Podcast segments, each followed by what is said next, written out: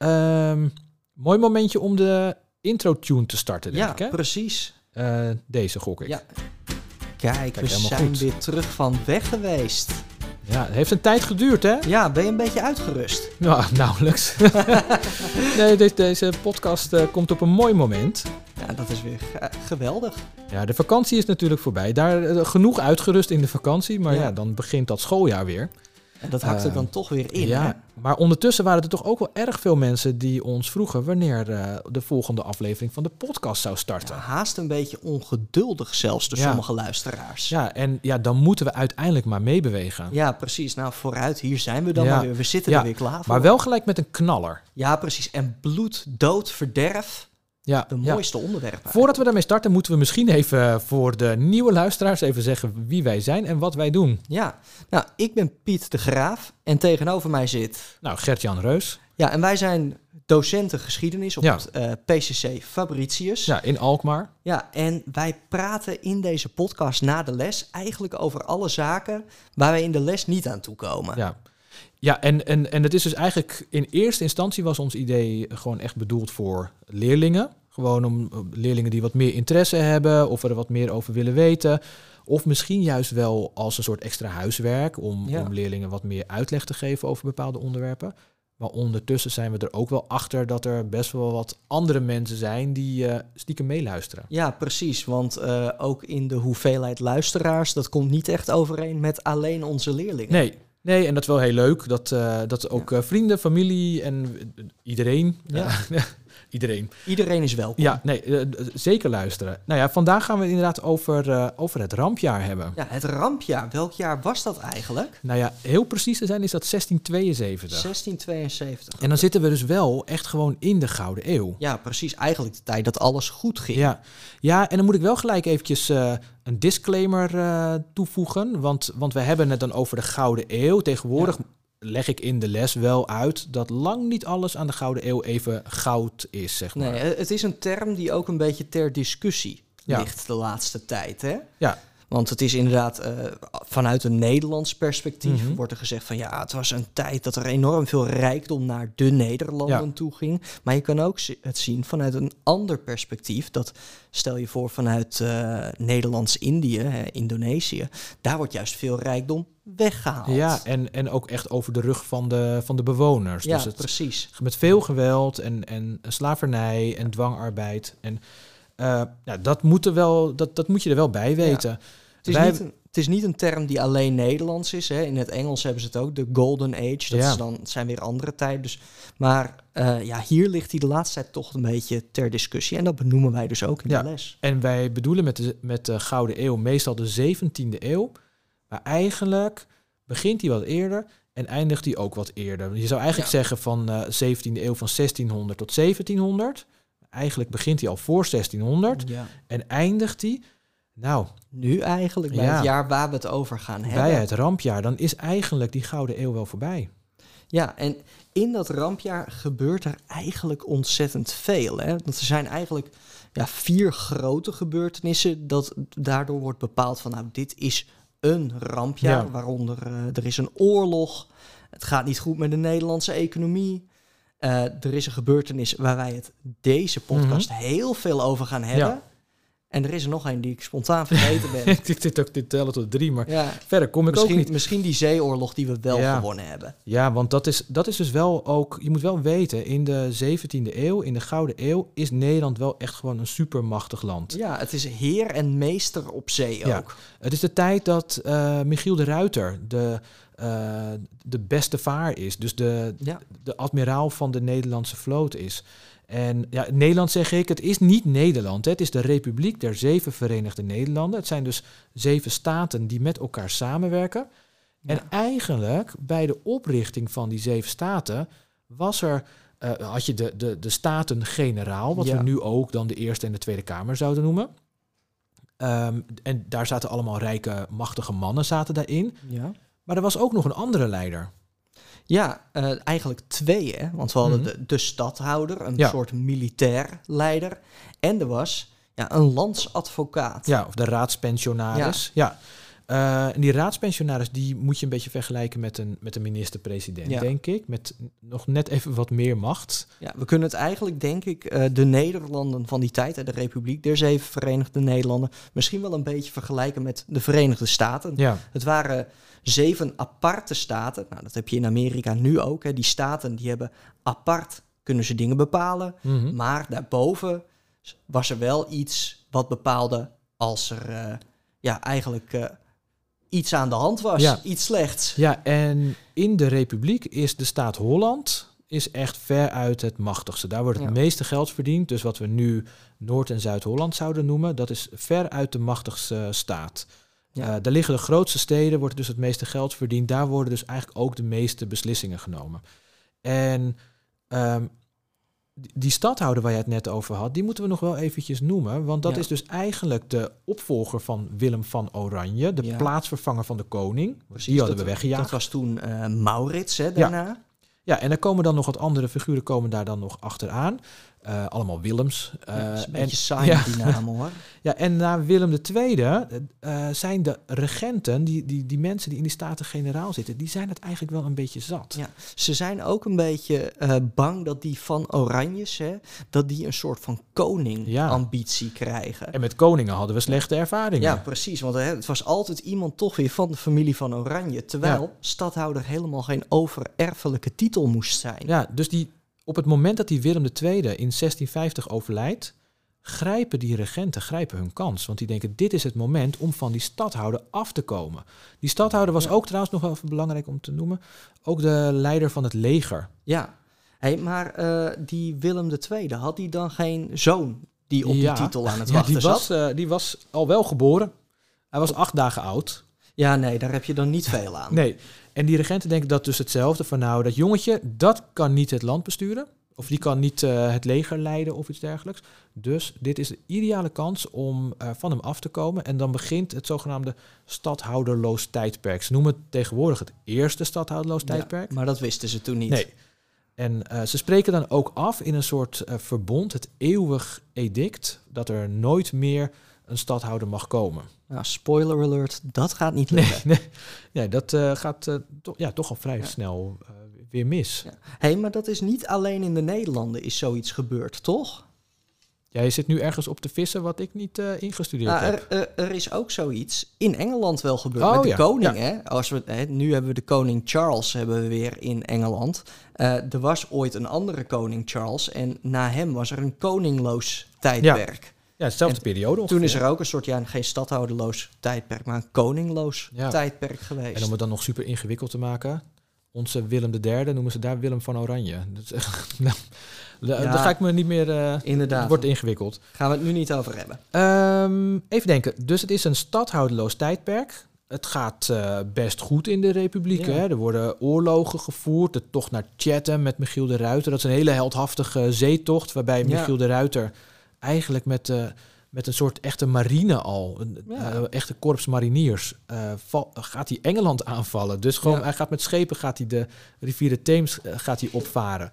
En hij valt gewoon Engeland binnen en hij vernietigt daar de Britse vloot. Nou, en een leuk feitje, het vlaggenschip van de Britse marine hebben ze toen ook gewoon meegenomen. Ja. Alleen die hebben ze toen uit elkaar moeten halen, want de Nederlandse wateren die waren niet diep genoeg om dat schip te laten Ja. En volgens mij hangt de boeg daarvan nog in het Rijksmuseum. Dat weet ik niet helemaal meer zeker. Volgens mij is dat Het heeft wel heel lang daar gehangen. Maar ergens staat mij ook bij dat we het misschien teruggegeven hebben onlangs. Dat, maar dat weet ik niet zeker hoor. Dat is dan weer iets wat we even straks moeten googlen. Er zijn vast mensen. We moeten mensen laten bellen in de uitzending. Die, Ja. die dan even om raad kunnen We vragen. hebben die mogelijkheid wel. Ja, doen we volgende aflevering. Dan gaan, Gaan we, doen. kijkers vragen en onze eigen vragen. Dan gaan we gewoon een expert bellen. Handig. Ehm, we zijn al tien minuten bezig, maar we hebben het nog niet echt over het rampjaar gehad. Nee, want eh, zoals net gezegd wordt, eigenlijk gaat het in het begin hartstikke prima in die republiek. Maar dat vinden een paar landen om de republiek heen, die vinden dat toch een beetje eng worden. Ja, want er zijn ook landen dan jaloers of Ja. concurrenten. Eh, met name met de zeehandel is Engeland natuurlijk een grote concurrent. Ja. Er zijn in totaal vier Engelse-Nederlandse zeeoorlogen geweest, waarvan we de twee hebben gewonnen, twee hebben verloren. Ehm, Frankrijk is een koninkrijk. En Frank, de Franse koning, Lodewijk XIV, die ziet dat van een machtige republiek in de buurt al helemaal niet zitten. Nee, die wil nog veel machtiger worden dan die al is. Ja, en die wil zeker geen republiek in Frankrijk. Nee. Ehm, dus dus dat, dat republiekje boven hem, dat zit hem echt dwars. Ja, Hij heeft boven zich, boven, tussen, tussen Frankrijk en de republiek ligt nog de Spaanse Nederlanden. Die eigenlijk dan bij Oostenrijk horen om het ingewikkeld te maken. Eh, die kan hij niet zomaar eh, erbij veroveren. Maar eigenlijk zou hij het liefst allemaal willen hebben. ja precies. Want hè, dat is ook oud-Frans grondgebied, Ja. was dat natuurlijk. Ja, is mensen spraken er zelfs Frans. ja, dus- in Wallonië spreken ze nog steeds Frans. Ja. Nou ja, als je concurrenten hebt, dan wordt het dus op een gegeven moment oorlog. Dus eh, Engeland en Frankrijk besluiten samen een, een deal te sluiten om de republiek aan te vallen. En dat is eigenlijk het begin van het rampjaar. Ja, en die oorlog op zee, die gaat eigenlijk prima. Die, eh, de Engelsen die worden eigenlijk in de pan gehakt door de Republikeinse vloot. Ook weer door Michiel de Ruiter. Hè? Die heeft gewoon Nederland daar gigantisch gered. Ja, precies. Alleen, nu komen de problemen van het stadhouderloze tijdperk naar voren. Want die stadhouder, dat was een legerleider van het landleger. En dat landleger was eigenlijk verwaarloosd in de tijd dat er geen stadhouder meer was. En wie is dan de baas op dat moment in de republiek? Ja, dat zal de raadspensionaris zijn. En dat is in deze tijd Johan de Wit. Ja, en waarom heeft hij dan niet in dat landleger geld gestoken? Dat is een hele goede vraag die Ja. waar jij het antwoord op Nee, weet. dat weet ik ook niet. Nee, hij heeft gewoon vooral op, op handel. Ja, Want, want, op handel wordt heel veel verdiend. En wat heb je nodig voor de handel? Nou, daar heb je een goede vloot Schepen, voor nodig. ja. Dus, dus daar wordt flink in geïnvesteerd. En op het moment dat dat Franse leger in aantocht, kom, eh, aantocht is, dan gaan ze natuurlijk wel proberen zo snel mogelijk een landleger in elkaar te zetten. Ja. Maar ben je rijkelijk laat natuurlijk. Ja, precies. Dat is een beetje eh, mosterd naar de maaltijd. Ehm, maar waarom gaan ze dan, de, de- als je de kaart bekijkt, eh, of als je gaat kijken, dan zijn er nog twee andere landen die, die meedoen. Ja, en dat zijn twee, eh, nou, eh, om het nou echt Ja. landen te... Het zijn meer kerkstaatjes. Ja. Het is het bisdom van Münster en het bisdom van Keulen. En ja, die hebben een hele andere reden om mee te doen. Een bisdom, zegt het al, dat zijn katholieken. Mhm. Ja, in de republiek waren het Calvinisten, protestanten. En wat Ja. doe je met protestanten? Nou, eh, in de zee gooien. Ja, precies, doodmaken. doodmaken, ja. ja, en er is nog een reden, want Frankrijk wil geen oorlog met Oostenrijk hebben. Ja. Eh, want dat is, dat is een machtig land aan het worden op dat moment, Oostenrijk. Dus de Fransen, als zij Nederland, de Republiek, willen aanvallen, dan moeten ze dus om die, super verwarrend, Spaanse Nederland, dus België zeg maar, Ja. moeten ze omheen. En als je daar omheen gaat, dan moet je eigenlijk wel via Keulen en Münster. Oké. Dus je hebt die twee kleine landjes nodig om de Republiek binnen te kunnen vallen. Kijk, maar ja. dat is dan toch weer handig. Dan kom je dus in, in, in Nederland. Hè? Dus in, laten we het maar gewoon even gemakshalve dan even Nederland noemen. Ehm, waar is dan dat, eh, dat landleger? Ja, dat landleger dat zou dan in Holland zijn. Hè? Want Mhm. Holland was wel het, het machtigste en het rijkste. Die hadden ook het geld om voor zo'n leger te kunnen betalen. Ja, Maar ja, dat leger, eh, de Fransen die st- steken op een gegeven moment de Rijn over. En Ja. ja, dan is het eigenlijk bijna een verloren zaak. ja ze komen zelfs tot Utrecht. Ja, en op dat moment moet er, wordt er eigenlijk een deal gesloten met de Fransen. Overigens, volgens mij was deze deal niet met goedkeuring van de Wit gesloten. Eh, dat weet ik even Meen niet ik zo mij goed. te Maar- herinneren. ja, ik weet, ik weet alleen dat, dat eh, de Franse troepen die blijven bij Utrecht een beetje, een beetje hangen. Dat is nog wel even interessant om Ja. te zeggen. Dat ze dus niet doorstoten naar Amsterdam. En de ene historicus die legt dat dan uit. Die zegt, nou, die Lodewijk XIV, die ging gewoon lekker rustig afwachten. Want ze hadden om Amsterdam en de andere grote steden hadden ze de dijken doorgestoken. De Hollandse waterlinie. Ehm, en die dacht, nou weet je, ik honger ze gewoon uit. Ik wacht het wel gewoon rustig af. Klassieke Dat tactiek. zijn sommige, eh, sommige mensen zeggen dat. Anderen zeggen, hij ging Amsterdam niet aanvallen, want daar kregen de soldaten kregen daar hun salaris uitbetaald met de banken die daar dan waren. Die moesten dan Mm, salaris betalen. En als je die stad dan aanvalt, dan valt er weinig te halen straks. precies. Dus dat daar misschien, eh hoor ja ook geluiden door Ik ons. hoorde een bel, maar volgens mij was dat van buiten. Ik hoop het ook. Ik Ja. hoop niet dat het in mijn de, hoofd... de les eh, is nog niet afgelopen. We zijn nu na de ja, les. blijf eh, rustig zitten. Als er hier straks brand uitbreekt, dan merken jullie er niks van. Dan gaan we gewoon live door. Dan, eh. Nou, dus de Fransen zijn dan dus bij, bij, bij die Hollandse waterlinie, Ja. dan is dus zo'n beetje heel Nederland al, al bezet, veroverd. En Holland is natuurlijk in paniek. Ja, ja, sterker nog, eh, redeloos.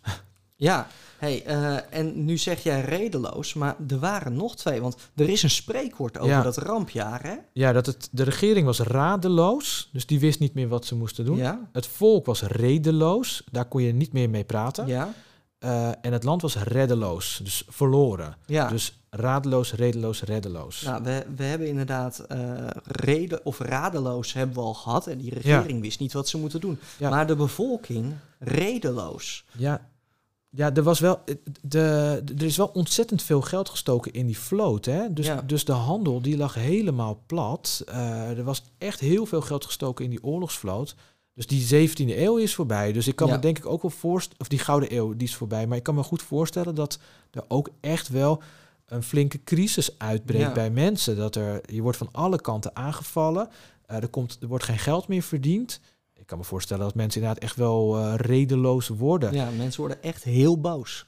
En als eh, dat nou zou gaan, als jij in die tijd zou leven, op wie Ja. zou je dan boos worden? Nou, de baas van het land natuurlijk. Want die regelt het allemaal. Precies, dus Johan de Wit. Ja, het Ja. is allemaal zijn schuld. Ja, logisch. Kijk, kijk Johan de Wit het weglachen.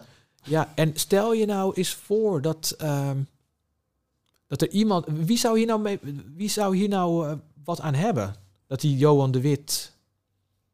Dat, dat, dat hij slecht. Ik kom goed uit mijn woorden zeg. Ja, Nee, wie heeft er nou wat aan dat die Johan de Wit in een slecht daglicht komt? Wie, wie zou er nou van Johan de Wit af willen? zou dat die zoon van eh, Willem II niet zijn? Ja, die Willem de Derde. Die zit dus gewoon rustig, nou niet eens af te wachten. Er zijn best wel wat bewijzen dat hij stiekem heeft zitten stoken. Dat hij van alles Ja. heeft gepland en mensen betaald heeft om dingen uit te vreten. eh, om die regenten en dus ook Johan en zijn broer Cornelis de Wit in steeds slechter daglicht Ja. te zetten. En zo bijvoorbeeld op 22 of 21 juli. Ja, we- ergens in de nacht van. ja, in de nacht Het van. was wel, wel- wel- was wel s'nachts volgens mij. Precies. Dan wordt er een, eh, een poging tot aanslag op het leven van Johan de Wit gepleegd. Hè. Hij loopt op het binnenhof, was het volgens mij. Ja. En met een, eh, een toorts loopt hij rond. Ja, hij loopt gewoon naar huis, hè? Ja. En eh, ineens springen daar een stel jongens met degens. Die springen uit een, eh, ja, Ja. uit een steegje of zo. En die beginnen ja, een soort schermutseling, zo staat het dan beschreven. Die, er wordt een gevecht gewoon. En eh, de toorts wordt uitgedaan en nou, Johan wordt gestoken. Maar Johan overleeft het wel. Ja, wonder boven wonder. Wat, ja, dat was, het was niet de bedoeling dat hij het zou overleven. Nee. Dus hij blijft het dan wel. Eh, hij overleeft het wel, maar hij is eigenlijk dan wel klaar mee Ja. met, met dat werk. Eh, Begrijpelijk. want terwijl hij aan het herstellen is, zijn ondertussen, eh, nou, dat noem je dan orangisten, mensen Ja. van de Oranje Partij, de vrienden van Willem III, ja, die zijn ondertussen bezig allerlei regenten uitschakelen. Eh, allerlei regenten worden in ene beschuldigd van landverraad, dat ze de Fransen zouden helpen. ja, En daardoor krijgen die, die, krijgt die Oranje Partij krijgt steeds meer macht en invloed. Waardoor eh, Johan de Wit op een gegeven moment denkt van... Hey, eh, nee, sterker nog, dat eeuwig edict wordt zelfs afgeschaft. Dus dat, dat die afspraak dat er nooit meer een stadhouder zou komen in Holland... eh, en, en dus ook niet in de andere staten, dat wordt afgeschaft. dat mag toch weer wel. Ja, want, want de Oranje Partij heeft eigenlijk de, de meeste macht gekregen. Dus ja. er is niemand om het tegen te houden. En op het moment dat dat bekend wordt, dan denkt Johan van nou, pff, weet je, dan heeft dit baantje niet zoveel zin meer voor mij. Laat maar zitten, ik stop Ja. ermee. Ja, hij treedt dus gewoon af. Dat, dat was wel grappig, want dat wist ik eigenlijk niet zo goed dat hij, eh, dat hij, dat hij aftreedt. Dat is Ja. op 4 augustus. Vlak daarvoor is er nog wel wat, eh, wat naars gebeurd voor Johan. Of eigenlijk voor zijn broer. Ja, zijn broer die wordt volgens mij gevangen gezet. Ja, ja die wordt verdacht van hoogverraad. Ja, dus hij, hij zal de Nederlanden hebben verraad aan. Zullen de Spanjaarden of eh, de Fransen wel zijn? Ja, aan de Fransen inderdaad. En ja, wat eh, super betrouwbare eh, getuige, de super betrouwbare persoon die hem aangeeft, een barbierchirurgijn. Oké, dus een, een kapper. Ja, een kapper die ook Ja. tanden trekt en, eh, en ledematen afhakt. Die eh, meldt bij de, bij de rechter dat Cornelis de Wit, de broer van Johan, en Cornelis was ook supermachtig en ja, rijk, precies. dat die hem 30.000 gulden beloofd zou hebben om eh, Willem III te vermoorden. Maar Willem III was toch helemaal niet in Nederland? Nee, dus dat is echt een, een raar Ja. verhaal. Die was in Engeland. Maar ja, de rechter denkt, nou dan moeten we Cornelis maar oppakken. Want eh, dit is echt Ja. een eh, betrouwbaar verhaal. Maar dat is raar dat dat in een stadhouderloos tijdperk als zo'n verraad wordt gezien. Ja, ja, blijkbaar was het beeld van die twee broers, Johan en Cornelis de Wit, al heel negatief. Ja. Ze dachten waarschijnlijk al heel slecht over hem. Eh, ze hebben Cornelis opgepakt. En ja, in die tijd hoort het er wel een beetje bij dat als je wil dat iemand de waarheid spreekt, dan gaat hij op de pijnbank. Ja, die, die waarheid die moet je er een beetje uittrekken. Ja, nou ja, en dat, nou, het, de, de bank waar hij op gemarteld is, die kan je nog steeds in Den Haag bij het museum De Gevangenenpoort, kan je die, Ja. eh, Staat die terugzien. heel dicht bij eh, het Binnenhof. ja, ja, dus waar hij werkte ook, echt super dichtbij. Ondanks alle martelingen, eh dat zal super pijnlijk zijn geweest, heeft hij niet toegegeven. Dat is toch wel best knap. Dus ze moesten hem laten gaan. Ja. En, en Johan die besluit op de dag dat hij. Ik denk misschien ook al wel dat, ze, dat, dat zijn broer vrijgesproken is, besluit hij dus naar zijn broer toe te gaan. Om een beetje voor hem te zorgen. En hem misschien zelfs wel eh, eh, me- mee te nemen om, om weg te gaan daar. Ja. Om, om mee naar huis te nemen en thuis voor hem te zorgen. Weet jij hoe het verder gaat?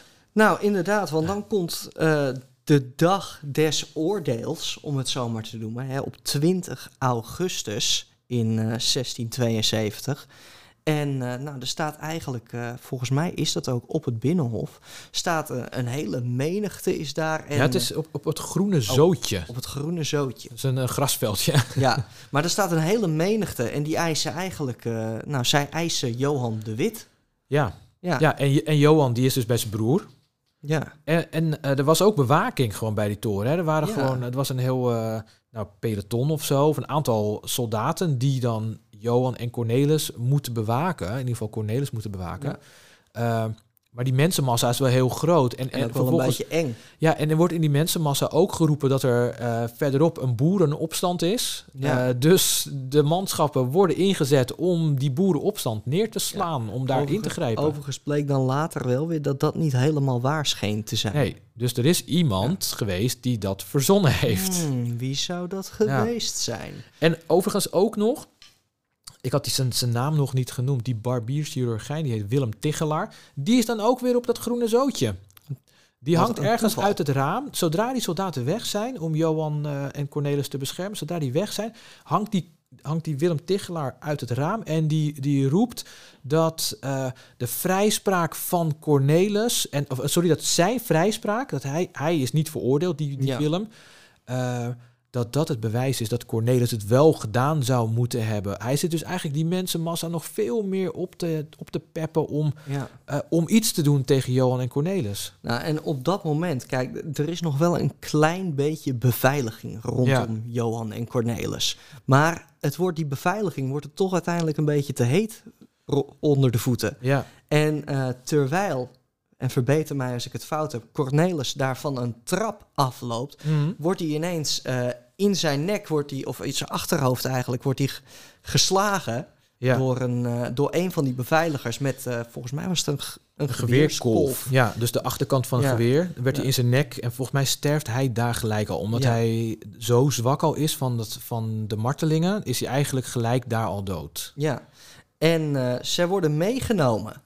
Ja, ja door die mensenmassa, Ja. hè, die echt woedend is en, en echt bloeddorstig. En je weet misschien, je kunt daar makkelijk een voorstelling van maken, dat zo'n mensenmassa zit elkaar alleen maar op te hitsen en het alleen Ja. maar erger te maken. En dit is misschien het moment voor onze luisteraars die misschien wat minder goed tegen bloederige verhalen Ja. kunnen, om heel eventjes het geluid uit te zetten. Even je vingers in je oren. Ja, ja. want eh, Cornelis en Johan worden op eh, nou, een soort van ladders worden ze eigenlijk hè, eh, ge- gehangen Ja, op zijn kop. Een wipgalg. Ja, op, Ja. op hun kop. Ja, aan hun voeten vastgebonden. Hun, ze worden ontkleed, dus ja, ze hangen daar in hun blootje. Ja.